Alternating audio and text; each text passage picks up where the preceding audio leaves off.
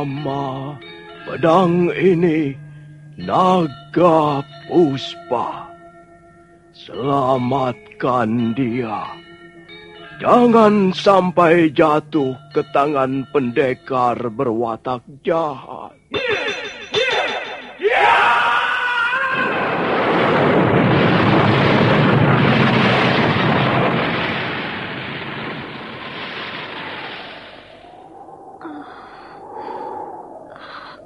Kakang Kamandano.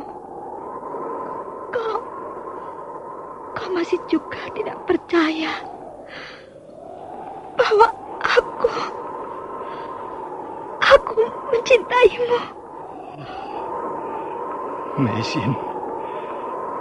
Maafkan aku, Mesin. Oh. Mesin. Oh. Mesin!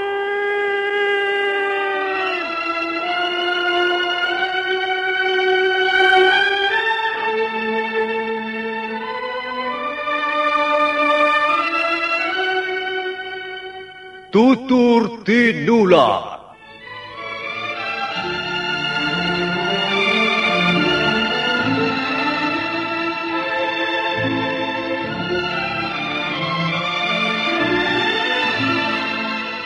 Sebuah sandiwara radio serial, produksi Sanggar Cerita dan Teater Sanggar Prativi. Sebuah kisah dengan latar belakang sejarah runtuhnya Singasari dan berdirinya kerajaan Majapahit.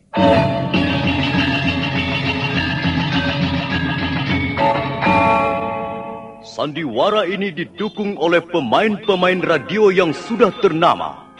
Ferry Fadli, Ivone Rose, dan Eli Ermawati.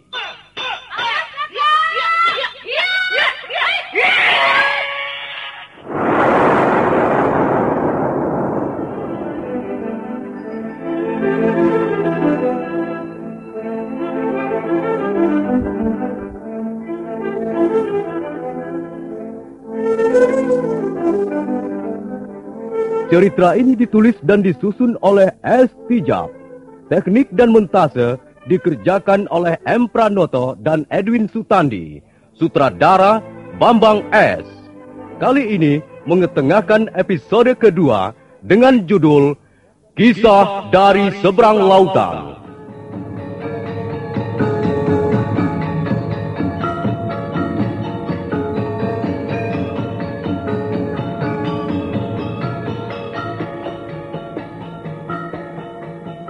Dalam seri yang ke-33 ini didukung oleh para pemain Yoko sebagai Kaisar Kubilai Khan, Armando Nida sebagai Panglima Kausing, Benny sebagai Panglima Sipi, M. Abud sebagai Panglima Ikemese, Ape Burhan sebagai Canpi, Asdi Suastra sebagai Empu Ranubaya, Wahyu sebagai Mengci, dan Nusri pembawa cerita.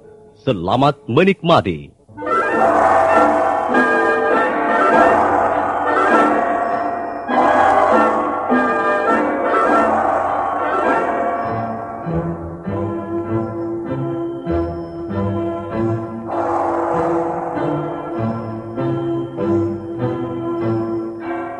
Kaisar Kublai Khan memandang tajam ke arah Panglima Kausing yang masih berlutut di depannya.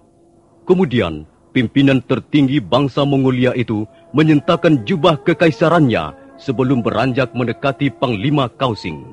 Panglima Kausing. Ya, Baginda. Eh, kau adalah salah satu panglima perang Mongolia yang menjadi kepercayaanku. Selama ini kau bekerja dengan baik, mengabdi pada kerajaan. Apa kau sama sekali tidak tersentuh hatimu melihat kelakuan Raja Singasari itu? Ampun, Baginda. Uh, tentu saja, sebagai bangsa Mongolia yang lahir dan dibesarkan di tanah leluhur, hamba merasa tersinggung dan sakit hati. Nah, kalau begitu, bantulah aku menghukum Raja Jawa itu. Ampun, Baginda. Hamba bersedia berperang sampai titik darah penghabisan demi kebesaran Mongolia. Demi meluhurkan nama Baginda sebagai pemimpin bangsa. Tapi apa yang hendak hamba sampaikan ini, barangkali belum Baginda pahami dengan seksama. Panglima Kausing, bukankah kau hendak memfitnah Perwira Mengci? Ampun Baginda, Hamba ingin mengutarakan suatu kebenaran, bukan fitnah. Kau sing. Mengsi sudah bekerja dengan susah payah. Dia menjalankan tugasnya dengan baik selama menjadi utusanku ke Singasari. Aku dan juga kau, kita semua harus menghargai jasanya ini. Betul, Baginda. Hamba sangat menghargai apa yang telah dilakukan Mengci dalam menjalankan tugasnya sebagai duta bangsa Mongol. Tapi hamba juga menyesalkan apa yang dilakukannya sebagai seorang perwira muda.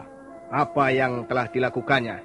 Mengci berusaha membalas sakit hatinya dengan cara-cara yang tidak kesatria. Apa maksudmu? A ampun Baginda. Raja Singgosari itu memang patut mendapat peringatan keras atau hukuman. Kalau perlu kita kirim bala tentara untuk membuat Raja Jawa itu mau membuka matanya dan selanjutnya tidak lagi memandang rendah nama Baginda Kaisar Kubilakan. Tapi apa yang dilakukan Mengci sungguh-sungguh tidak mencerminkan kebesaran bangsa Mongol yang kita bangga-banggakan selama ini. Coba, kau bicara dengan lebih jelas lagi, Panglima Kausing. Jangan berbelit-belit. Ampun, Baginda. Terus terang, hamba kurang bisa menyetujui tindakan brutal yang hanya menuruti hawa nafsu Mengapa harus membunuh orang tua itu? Mengapa tidak? Dan mengapa hal itu kau anggap tindakan brutal, kau sing? Iya, Baginda. Aku tidak mau bicara lagi soal ini. Kalau kau tidak setuju, kau bisa mengutarakan pendapatmu besok di depan sidang. Ampun, Baginda. Barangkali Baginda bisa mempertimbangkan lagi persoalan orang tua itu. Apa urusanku? Dia orang asing, bangsa lain. Apa keuntunganku membela kepentingannya, oh? Dan lagi, dia sudah tidak menaruh hormat padaku. Kalau memang hasil sidang memutuskan, kepalanya harus dipenggal. Nah, si tua Lanupaya itu halus diseret ke depan Algojo. Aku tidak akan menghalanginya lagi. Dia sama sekali tidak ada gunanya kita biarkan tetap hidup. Ampun Baginda, barangkali orang tua itu akan banyak gunanya. Seandainya Baginda sudi mendengarkan keterangan hamba. Apa gunanya orang tua itu? Dia tidak bisa apa-apa. Dia hanya akan merepotkan kita. Bahkan dia akan menimbulkan kesalahpahaman di antara kita. Orang tua itu mempunyai keahlian khusus, Baginda. Keahlian apa? Hamba sudah membuktikannya sendiri. Orang tua itu sangat ahli dalam pembuatan senjata tajam untuk keperluan perang. Panglima Kausing lalu menceritakan apa yang dilihatnya dalam penjara. Juga tak lupa dia menceritakan apa yang dilakukan Mengci atas diri Empu Ranubaya sesuai keterangan yang diberikan Canpi. Kaisar Kublai Khan tertegun sejenak mendengar penjelasan yang dituturkan Panglimanya. Hmm. Benar apa yang kau katakan itu, Panglima? Hamba tidak berani berdusta di depan Baginda. Hamba bersedia dihukum berat kalau memang keterangan hamba ini terbukti palsu adanya. Kau sudah melihat sendiri kemampuannya yang hebat itu? Baginda pun sekarang bisa melihatnya. Baginda tahu, pedang ini buatan keluarga hamba. Sebagai pewaris ilmu turun-temurun dari leluhur hamba. Baginda Kaisar Dengiskan sendiri banyak memesan senjata serupa sewaktu mempersiapkan diri menaklukkan negeri Turfan dan seluruh daratan Cina. Ya, aku tahu. Keluargamu memang terkenal ahli membuat senjata. Lalu ada apa dengan pedangmu itu? Mohon, pedang hamba ini baginda teliti dengan seksama. Hmm, coba lihat. Hmm, apa maksudmu, Panglima Kausing? Aku tidak melihat keanehan apa-apa atas pedangmu ini. Pedang itu bahan logamnya digali dari lembah kuil pingsan, Baginda. Ya. Karena itu sangat keras. Tapi apa yang dilakukan orang tua itu hampir-hampir membuat hamba tidak percaya pada akal sehat hamba sendiri. Coba baginda periksa lagi. Hmm, ya. Aku melihat ada beberapa golesan di bagian ujung pedang ini. Apa artinya Panglima Kausing? Ah, tulisan itu menurut Pak Ranubaya tersusun menurut huruf atau aksara Jawa kuno. Bunyinya adalah nama hamba. Oh, Siapa yang menggoreskan tulisan ini? Dialah yang menggoreskan tulisan itu, Baginda. Dengan sebuah pisau kecil orang tua itu mampu menoreh pedang yang begitu keras. Ujung pisaunya sampai berasap waktu dia menulisi pedang hamba itu, Baginda. Hmm. Kalau benar apa yang kau saksikan itu, pasti orang tua itu memiliki ilmu yang hebat dalam pembuatan senjata. Ampun, Baginda. Hamba adalah keturunan keluarga pembuat senjata. Senjata buatan keluarga hamba sudah terkenal di seluruh negeri ini. Hamba tahu benar cara mengolah logam menjadi pedang atau tombak. Tapi, tapi hamba tak bisa mengerti orang tua itu mempunyai pisau kecil yang nampaknya kurang berharga, tapi tajam dan kerasnya luar biasa. Hmm. Baiklah, Panglima Kausi. Besok, bawa orang tua itu menghadap di balai sidang. Aku ingin membuktikan sendiri kehebatannya itu.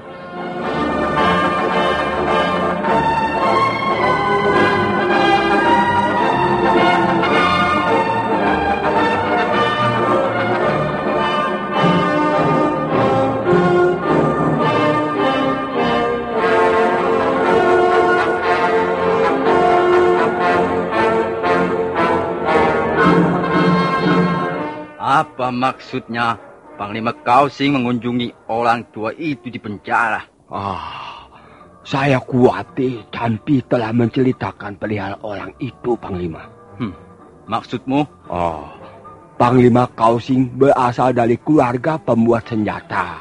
Oh, kalau Campi menceritakan bahwa si tua itu pun seorang ahli senjata.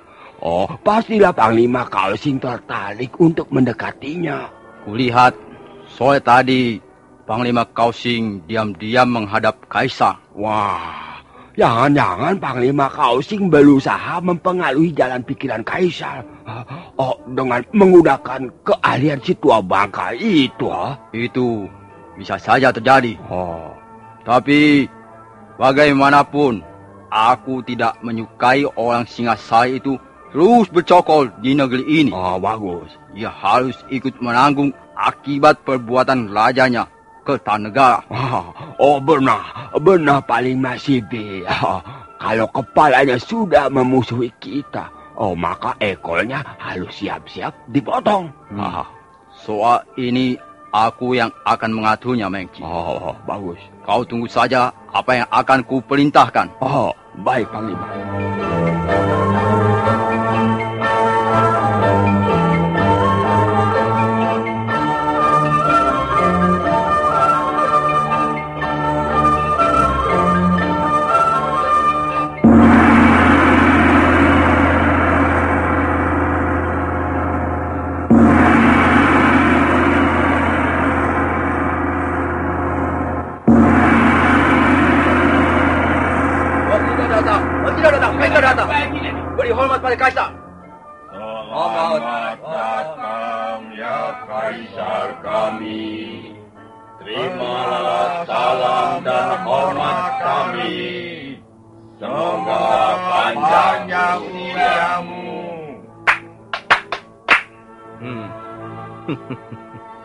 Bagus, bagus. Nampaknya semuanya sudah hadir. Bagus. Nah, silahkan duduk semuanya. Kita berkumpul hari ini untuk membahas masalah bagaimana sikap kita terhadap Raja Singasari yang telah menghina bangsa kita. Coba, aku ingin mendengar pendapatmu, Panglima Sihpi. Ampun, Baginda. Jelas, Raja Singasari itu telah menghina kita. Dia melukai utusan kita dan merobek-robek surat yang Baginda kirimkan untuknya. Karena itu, kita harus membalas penghinaan ini, Baginda. Saya, sebagai penerus generasi Mongol, merasa tersinggung. Karena itu, hamba usulkan. Penggal kepala orang Singasari itu. Kirimkan pada Kertanegara disertai surat tantangan perang.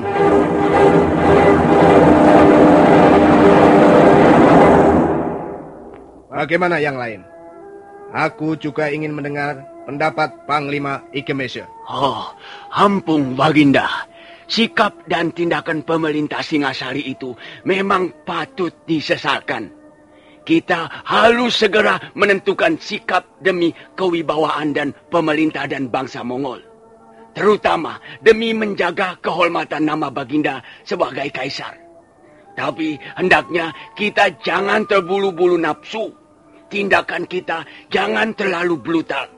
Karena hal itu bisa merendahkan martabat bangsa kita yang beradab. Sikap brutal hanyalah berlaku bagi bangsa yang belum maju tingkat kebudayaannya. Ampun Baginda, demikianlah pendapat hamba. Ampun, Baginda. Menurut pendapat hamba, tindakan balasan seperti itu, seperti yang hamba usulkan, tidaklah brutal. Itu cukup wajar. Kita masih bernama manusia yang tersinggung dan marah apabila harga dirinya diinjak-injak. Justru kalau kita biarkan saja kelakuan Raja Singasari itu bisa menimbulkan kesan bahwa bangsa kita adalah bangsa yang lemah. Hamba khawatir hal ini bisa mempengaruhi bangsa-bangsa lain yang sekarang menjadi taklukan maupun sekutu Mongolia. Hmm. Aku juga ingin mendengar pendapat Panglima Kausing. Ah, ampun Baginda. Pendapat hamba tidak begitu berbeda dengan pendapat Panglima Ikemese. Raja Singosari memang tidak pada tempatnya memperlakukan seorang utusan seperti itu. Tapi janganlah hendaknya kita melibatkan orang yang tak berdosa. Ampun Baginda, yang hamba maksudkan adalah orang tua di sebelah hamba ini. Dia orang Singasari Panglima. Dia harus ikut bertanggung jawab atas perbuatan rajanya. Dia tidak berbuat. Mengapa harus bertanggung jawab? Lalu, bagaimana menurut pendapatmu? Apakah orang tua itu akan kita bebaskan begitu saja? Tidak. Kita bisa memanfaatkannya untuk mengadakan penghinaan balasan terhadap Kertanegara. Penggal kepalanya dan serahkan pada Raja Singasari itu disertai surat ancaman ataupun tantangan perang. Habis perkara. Kita adalah bangsa yang besar. Kita jangan mau dihina begitu saja oleh negeri kecil seperti Singasari. Sepuluh negeri seperti Singasari bisa kita sapu bersih dengan bala tentara Tatar. Tunggu. Nah, sekarang giliranku untuk bicara. Kalian mendengarkan saja. Semula aku memang mempunyai maksud yang sama dengan apa yang diutarakan Panglima Sihpi. Tapi sekarang aku mempunyai pertimbangan lain. Kupikir pendapat Panglima Ikemesya jauh lebih bijaksana. Bukan begitu Panglima Sihpi? Ah, ampun Baginda. Kami hanyalah sekedar mengemukakan pendapat. Akhirnya semua keputusan berada dalam tangan Baginda yang agung. Kaisar Kublai Khan. Kami akan menurut apa yang Baginda putuskan. Ya, Memang tak ada perlunya kita membunuh orang yang tidak mempunyai kesalahan. Jadi, Baginda akan membebaskan orang Singasari ini? Sabar, Panglima Sipi. Aku akan bicara sebentar dengan orang yang bersangkutan. Ah, Tuan Lanupaya. Ah, iya, Tuan Kaisar. Saya tahu, Tuan bukanlah seorang sembarangan. Saya mendapat keterangan bahwa Tuan ahli dalam hal pembuatan senjata. Benarkah itu? Tuan tidak perlu menyembunyikan keahlian Tuan itu. Kami sudah tahu semuanya. Dan saya mempunyai bukti yang kuat bahwa Tuan memiliki keahlian yang langka. Apakah Tuan yang membuat tulisan di atas pedang ini? Hmm. Ya, Benar, Tuan Kaisar. Luar biasa. Tuan ternyata mempunyai keahlian membuat senjata yang benar-benar langka. Sekarang, marilah ikut saya. Saya akan membawa Tuan ke ruang penyimpanan senjata milik Kekaisaran Mongolia.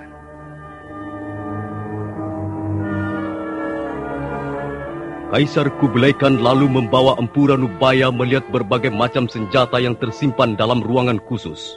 Tak lama kemudian, mereka sudah kembali lagi ke ruangan sidang, sementara para hadirin belum ada yang berani meninggalkan tempat duduknya.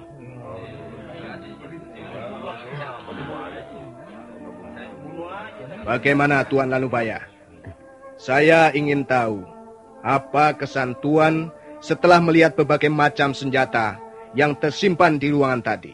Ah, tidak jauh berbeda dengan senjata yang pernah saya lihat, Tuan Kaisar. Hmm. Semuanya terbuat dari bahan logam yang masih muda usianya. Hmm. Semuanya kurang bermutu? Ya, semuanya. Tapi ada tiga macam benda yang terbuat dari bahan logam yang barangkali agak berbeda mutunya. Bahan logam benda itu sepertinya cukup tua. Saya melihatnya di pojok ruangan di dekat tumpukan pedang. Oh, benda apakah itu? Saya melihat sebuah ladam atau sepatu kuda yang bentuknya sangat sederhana. Kalau Tuan Kaisar berkenan melihatnya, silakan memerintahkan seseorang untuk mengambilnya. Oh, baiklah. Panglima Kausing, kau bisa membantu aku mengambilkan benda itu. Ah, dengan senang hati, Baginda.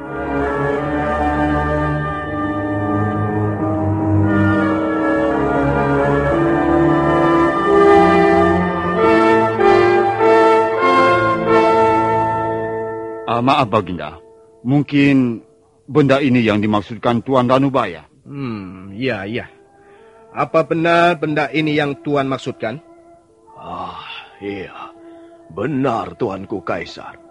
Sepatu kuda itulah yang saya maksudkan. Hmm, kalau tidak salah, sepatu kuda ini sudah ada sejak Kaisar yang lama memerintah Mongolia.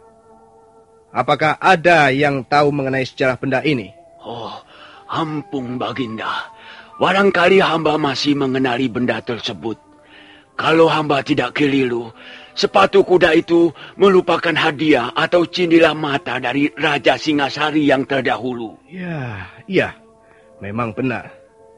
Kita sejak dulu menjalin hubungan baik dengan Tumapel atau Singasari. Ah, kalau hamba tidak salah, benda tersebut dimaksudkan sebagai lambang persahabatan antara kerajaan Singasari dan Mongolia. Iya, iya. Ah, tapi saya tidak melihat keistimewaan apa-apa pada benda ini.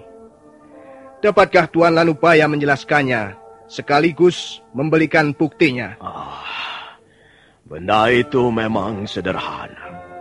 Seperti ladam kuda pada umumnya. Ya, Tapi bahan logam yang dipakai benar-benar tua umurnya. hmm, buktinya? Baik, saya akan membuktikannya. Tapi maaf, bukan di sini tempatnya, melainkan di halaman sana. Empu Ranubaya lalu berjalan keluar diikuti Kaisar Kublai Khan dan yang lain. Sesampai di halaman balai sidang, Empu Ranubaya meletakkan ladam kuda di atas sebongkah batu. Mengci yang juga hadir dalam pertemuan itu nampak kurang senang. Beberapa kali dia berbisik-bisik pada Panglima Sipi. Nah, Tuan Kaisar, nanti akan terbukti logam manakah yang muda dan yang tua umurnya. Sekarang saya harap seorang prajurit tampil ke depan untuk memperagakan kekuatan ototnya. Saya minta prajurit yang kekar dan bertenaga besar. Biarlah saya yang mempelagakannya Tuan Lanubaya. Ah, iya, iya. iya. Bagus, bagus. Saya pernah melihat sendiri betapa besarnya tenagamu. Nah, ambil pedangmu dan tebaslah ladam kuda itu sekuat tenagamu. Ah, baik, Tuan Lanubaya. Canpi mundur beberapa langkah untuk mengambil ancang-ancang. Semua yang melihat terpaksa menahan napas ingin tahu apa yang akan terjadi. Canpi menarik napas panjang beberapa kali untuk mengumpulkan tenaga sebanyak-banyaknya. Kemudian,